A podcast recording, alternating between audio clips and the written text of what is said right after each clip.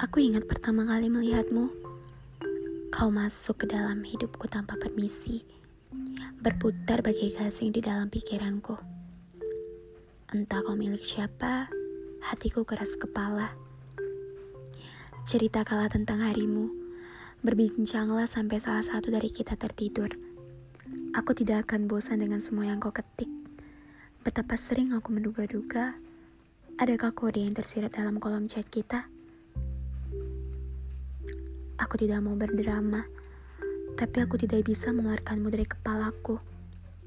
Aku tergila-gila hingga tak tahu lagi mesti berbuat apa.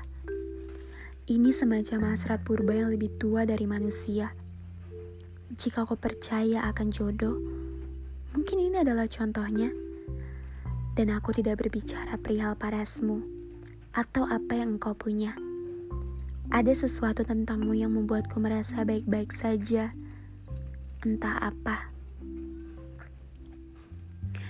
Kau selalu mampu membuatku jujur mengenai segala hal, kecuali satu, perasaanku.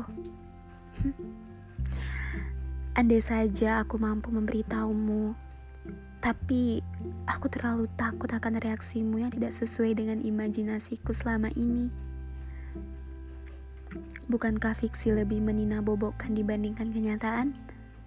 Bukankah kita adalah dua orang yang terlanjur menikmati berkubang dalam zona pertemanan? Tubuh kita berlumur harapan palsu. Tanganku menggapai-gapai mencari jalan keluar. Sementara tanganmu mencegahku ke mana-mana. Tunggu sebentar. Izinkan aku keluar dari zona pertemanan kita untuk sejenak. Akan kutunjukkan padamu sebuah gerbang menuju dunia paralel. Mari, ikut aku ke sana.